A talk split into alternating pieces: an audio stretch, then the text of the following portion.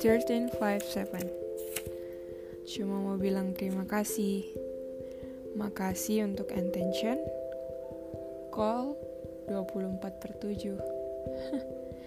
And thank you for everything.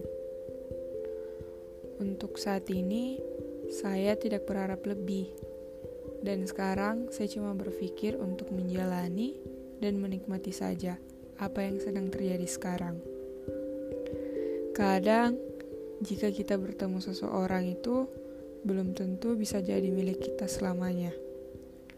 Karena jika kita bertemu seseorang, bisa terpungkiri dua kemungkinan, yaitu menetap ataukah cuma menjadi pembelajaran.